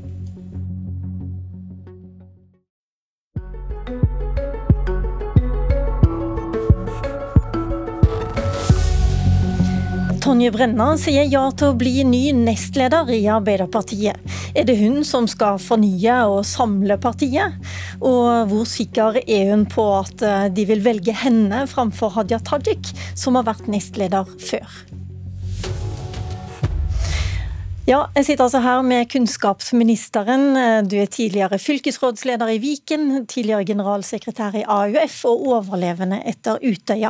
I dag er du her fordi du vil bli nestleder i Arbeiderpartiet. Tonje Brenna, velkommen til Politisk kvarter. Takk. I en situasjon med krig, matkrise, strømkrise, enda mer metoo-bråk og en urbefolkning som er rasende på staten generelt og regjeringa spesielt, Hvorfor i all verden ønsker en ung kvinne på 35 år å gå inn i et parti som virkelig også er i krise? Ja, jeg er oppriktig glad i Arbeiderpartiet. Jeg er glad i politikk. Eh, og Arbeiderpartiet kan få til store ting når vi eh, er gode, når vi er sterke. Da kan vi få til endringer i folks liv som gjør hverdagene deres bedre. Eh, og jeg driver jo ikke med politikk fordi det er enkelt. Tvert imot så er jo politikk egentlig handler om å løse problemer, og da må vi løse de problemene som til enhver tid ligger foran oss. Og så tror jeg i tillegg at vi legger bak oss noen tiår hvor ting egentlig har eh, gått stadig framover. Renta har blitt lavere, lønningene har blitt høyere, prisene har vært stabile. Nå ser ting litt annerledes ut. Det er krig i Europa. Og kanskje ekstra viktig når ting er litt vanskelig og ser litt dystert ut, så må alle vi som er sultne på og har lyst til å være med og bidra og forandre samfunnet til det bedre, orke å stå også i det. Så jeg er eh, topp motivert til å gjøre en jobb også når ting er litt vanskelig. Hvordan skal du fornye partiene? Det er mange som peker på at det er du som, som må gjøre det. og Akkurat nå ligger det jo an til at eh, tre, de tre som leder Arbeiderpartiet i dag, bare skal fortsette. Vel, Arbeiderpartiet fornyer seg jo sjøl eh, hver eneste dag. Det gjør vi gjennom å fornye politikken vår. Vi gjør det gjennom å få nye tillitsvalgte, nye ordførerkandidater, nye eh, mennesker som engasjerer seg i partiet vårt. Så fornyelse, det skjer hele tiden. Og så er jo eh, det å bidra med fornyelse, det er bra, i kombinasjon med at det også er erfaring som er med, og at vi er noen som gjenvelges, og noen som velges på nytt. Det tenker jeg egentlig er sunt for et parti. Men fornyelse er ikke opp til bare meg. Fornyelse er noe vi driver med hver eneste dag, både gjennom politikk og tillitsvalgte og kandidater til ulike verv. En annen som også har meldt seg på nestlederkampen, det er jo Hadia Tajik. Hun har vært nestleder tidligere og måtte gå av etter den pendlersaken. Um, vil du stille dersom det blir kampvotering mellom dere? Nå er jo jeg i den heldige situasjonen at jeg leder ikke valgkomiteen. Jeg har sagt ja til å være, eh, til, stå til disposisjon hvis eh, Arbeiderpartiet vil ha meg som nestleder, og så er det det var, det var, et svar som ikke var svar på dette spørsmålet, for det var hva gjør du dersom dere er to kandidater og det blir kampvotering på landsmøtet? Mm, nå har jeg sagt ja til at jeg stiller, så skal valgkomiteen gjøre en jobb. Jeg tror alle som noen gang har spådd utfall av både politiske konklusjoner og valg av personer inn i et landsmøte i Arbeiderpartiet, har angra litt på at man i lang tid i forveien spådde hvordan det skulle gå, så det skal jeg ikke gjøre. Men nå har jeg sagt at jeg stiller, jeg gjør veldig gjerne den jobben. Og så må valgkomiteen gjøre sin sortering, og så er det til slutt landsmøtet som bestemmer. Tajik eh, ble spurt om å stille i dag. Det ønska hun ikke, kanskje senere, sa hun faktisk. Eh, men om det så sier hun at eh, hun liker deg og jobben du gjør som kunnskapsministeren. Det er flott at du også er kandidat. Hva syns du om henne? Hadde jeg jobba godt sammen i regjering eh, den tida vi hadde sammen der, og jeg har et godt forhold til henne. Og så tenker jeg jo at det er bra at både hun og jeg og alle andre som eh, har lyst til å stille til verv i Arbeiderpartiet, gjør det. For det er jo et uttrykk for at Arbeiderpartiet er et viktig parti. Hvis Arbeiderpartiet var bare tull og tøys og ikke hadde innflytelse og ikke kunne løse noen ting, så hadde jo ikke folk stilt til valg. Så jeg tenker at det er grunnleggende bra at vi er flere om beinet. Og som sagt så er det de prosessene vi har fram mot landsmøtet som skal sortere på det, og så er det landsmøtet til slutt som bestemmer. La oss gå tilbake igjen til dette med fornyelse. Du brukte fire år som fylkesrådsleder i Viken, og så stemte du mot å oppløse dette storfylket som egentlig ingen ville ha. Men din regjering ønska jo egentlig å oppløse det storfylket. Eh, hvordan forklarer du måten du opptrådte på da? Arbeiderpartiet er jo et parti som ved alle valg bestandig egentlig har vært mest opptatt av å komme framover. At vi ikke skal se oss tilbake, men ta de utfordringene som ligger foran oss, og jobbe fram gode løsninger i det videre. Derfor har noen av de her reverseringssakene vært litt vanskelig for oss, selvfølgelig med litt sånn ulik inngang avhengig av hvor man har vært den i geografien. Men jeg mener, eh, det er det ene, jeg mener at Arbeiderpartiet bestandig skal videre framover, ikke nødvendigvis til valg på å reversere. Det andre er at jeg erfarte som fylkesrådsleder i Viken at det fungerte. Det var et fylke som klarte å løse oppgavene sine, og som eh, derfor kunne bestå. Og jeg mener jo at det er en viktig politisk oppgave å gjøre det viktigste først. Og det viktigste først, mener jeg, var ikke å få Viken oppløst, men å sørge for å levere de tjenestene som folk trenger i Viken. At bussen går, og at skolene er gode, at vi fikk løst stort og smått. Så det var min begrunnelse for det, og så ville andre ha andre meninger om det. Hva tenker du da om at din regjering gir signaler til Kristiansand om at eh, de må holde, de må sørge for at Søgne og Sogndalen får eh, holde folkeavstemning og løse seg opp eh, dersom de vil det, til tross for at kommunestyret i Kristiansand ikke vil det. Men som sagt, dette er veldig vanskelige saker, og de er ulike, har litt sånn ulik inngang avhengig av hvor du er hen i landet. Så tror jeg likevel at det er uttrykk for eh, noe annet, nemlig at jeg har vært med i og vokst opp i et Arbeiderparti som er et samarbeidende parti.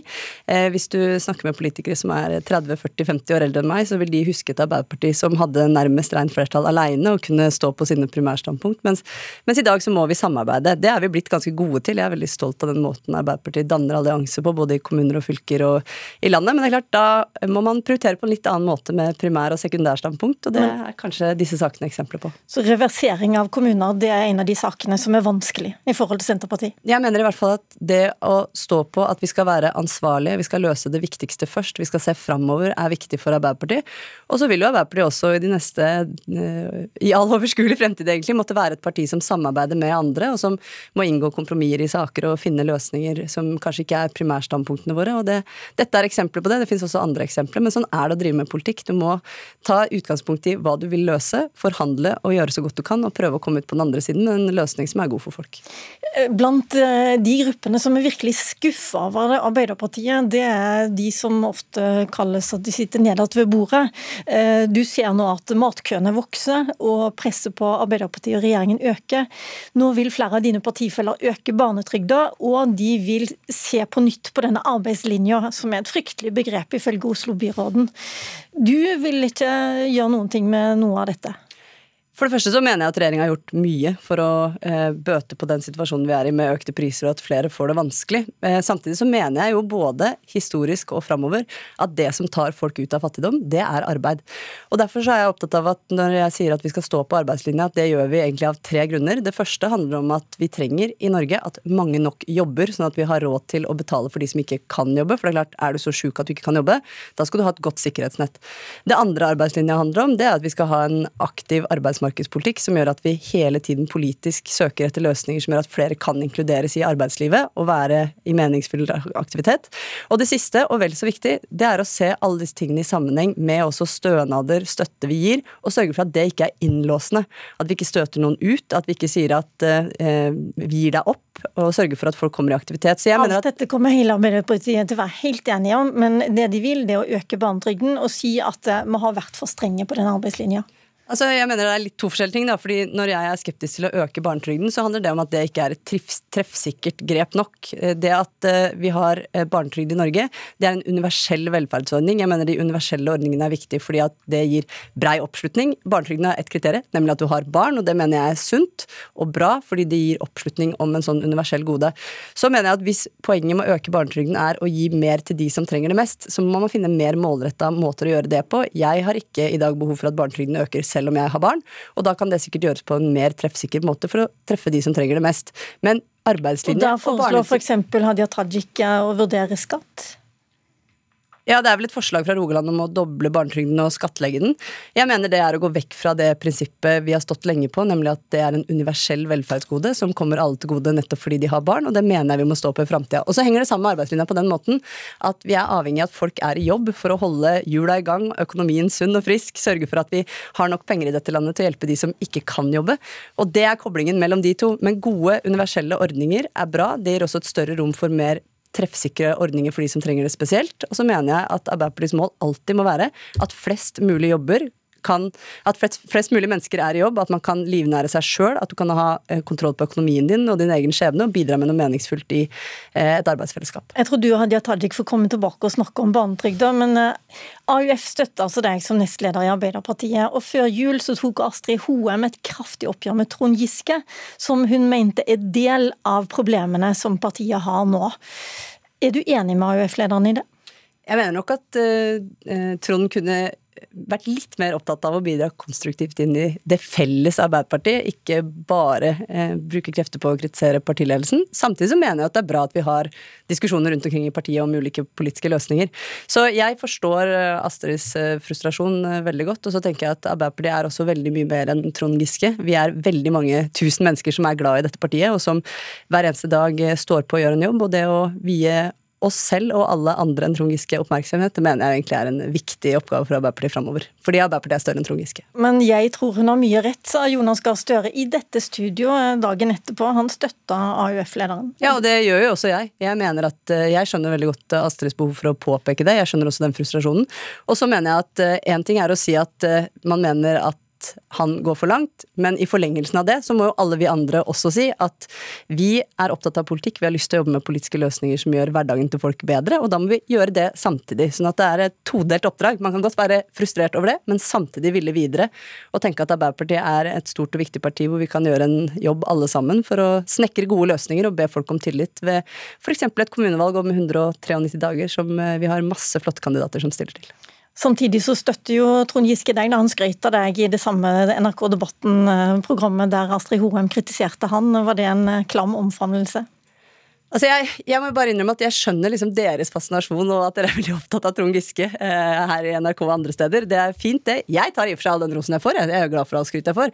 Eh, men jeg er mer opptatt av at eh, jeg gjør en jobb som kunnskapsminister. At vi kommer inn i eh, et landsmøte hvor vi kan jobbe fram noen gode løsninger for framtida. At vi gjør et godt kommunevalg. Eh, og at vi sammen kan sørge for at våre flotte ordførerkandidater og ordførere både får valg og gjenvalg rundt omkring i hele landet. Sånn at vi kan jobbe for å gjøre hverdagen til folk bedre. Og der starta du valgkampen, hørte jeg. Tusen takk takk for at du var med, Tonje Brenna. Arbeiderpartileder Jonas Gahr Støre var i Finland denne uka, bl.a. sammen med Peggy Hessen Følsvik, som leder eh, valgkomiteen i Arbeiderpartiet. Her er hva han sa om eh, hva partiet trenger nå når de skal få nye folk inn i ledelsen. Mitt budskap er som det har vært tidligere, vi bør tenke på fornyelse. Vi bør tenke på uh, politikere som kan løfte blikket og se mot uh, 2030. Uh, og vi må tenke på folk som er engasjerte og samlende. For vi er et parti som trenger at vi samler oss nå. Det tror jeg velgerne forventer når vi nå må, alle må bidra for å komme gjennom en vanskelig tid, så er samling hos de som har politisk ledelse av stor betydning. Tone Sofie Aglen, du er politisk kommentator her i NRK. Når du hører på statsministeren her og hører på Tonje Brenna, hva tror du om hennes sjanser til å bli eh, Arbeiderpartiets nye nestleder? Du, Nå advarte jo Brenna sjøl mot å spå utfallet, men i hvert fall sånn jeg opplever stemninga i partiet, så har man eh, i lang tid nærmest tatt det for gitt at Eh, Brenna blir eh, ny nestleder, og at det kanskje er den store endringen. Jeg tror i hvert fall det skal betydelig omkalfatrering eller større kriseforståelse til partiet for at de gjør store andre grep. Hva tror du om da Hadia Tajik, hva skal hun gjøre? Det er vanskelig å si. Jeg tror Hvis kriseforståelsen blir større, at man ser at man må gjøre enda større endringer i ledelsen, så kan det selvfølgelig åpne seg en mulighet. Men jeg tror nok eh, hennes største mulighet er å komme inn i sentralstyret eventuelt. Hvis det går som du tror, da, så er det Tonje Brenna som skal stå for både den samlingen og fornyelsen. Eh, hva hørte du av fornyelse og det, du hørte, det vi har snakka om nå? Jeg tror nok at det eh, først og fremst handler om eh, form. Jeg opplever at eh, Tonje Brenne er en eh, litt annerledes Ap-politiker. Litt lavere skuldre, snakker kanskje litt åpnere om ting eh, kanskje ikke så i forsvarsposisjon som mange kanskje forbinder med Arbeiderpartiet. Du hørte det litt om hvordan hun snakka om eh, Trond Giske-saken, som jo er en verkebyll i partiet, men også Du skal jo ikke lete lenge for å finne folk i partiet som mener akkurat det samme som henne om reversering. Men det er ikke så veldig mange som sier det høyt at det kanskje var en tabbe. Er det noen politiske forskjeller mellom kandidatene? Eh, interessant spørsmål, for jeg har, eh, det er det jo helt sikkert, men jeg har til gode å høre at noen trekker fram det. Når man snakker om hvem man foretrekker, så handler det i veldig stor grad om personlige egenskaper, om samarbeid, om evne til å kommunisere. Og det gjelder for så vidt ikke bare Arbeiderpartiet, men veldig ofte om eh, kampen om toppverv i politikken. Men hvor mye fornyelse er det mulig for ett menneske eh, å, å, få inn hvis bare partiledelsen utvider med nestleder, og det kan bli da Tonje Brenna? Jeg tror at det er mm, selvfølgelig litt begrensa. Alle skjønner at problemene i partiet handler om mer enn bare ansikter. Derfor så tror jeg også det som skjer med sentralstyret kommer til å være ganske viktig for å få bredda ut partiet litt.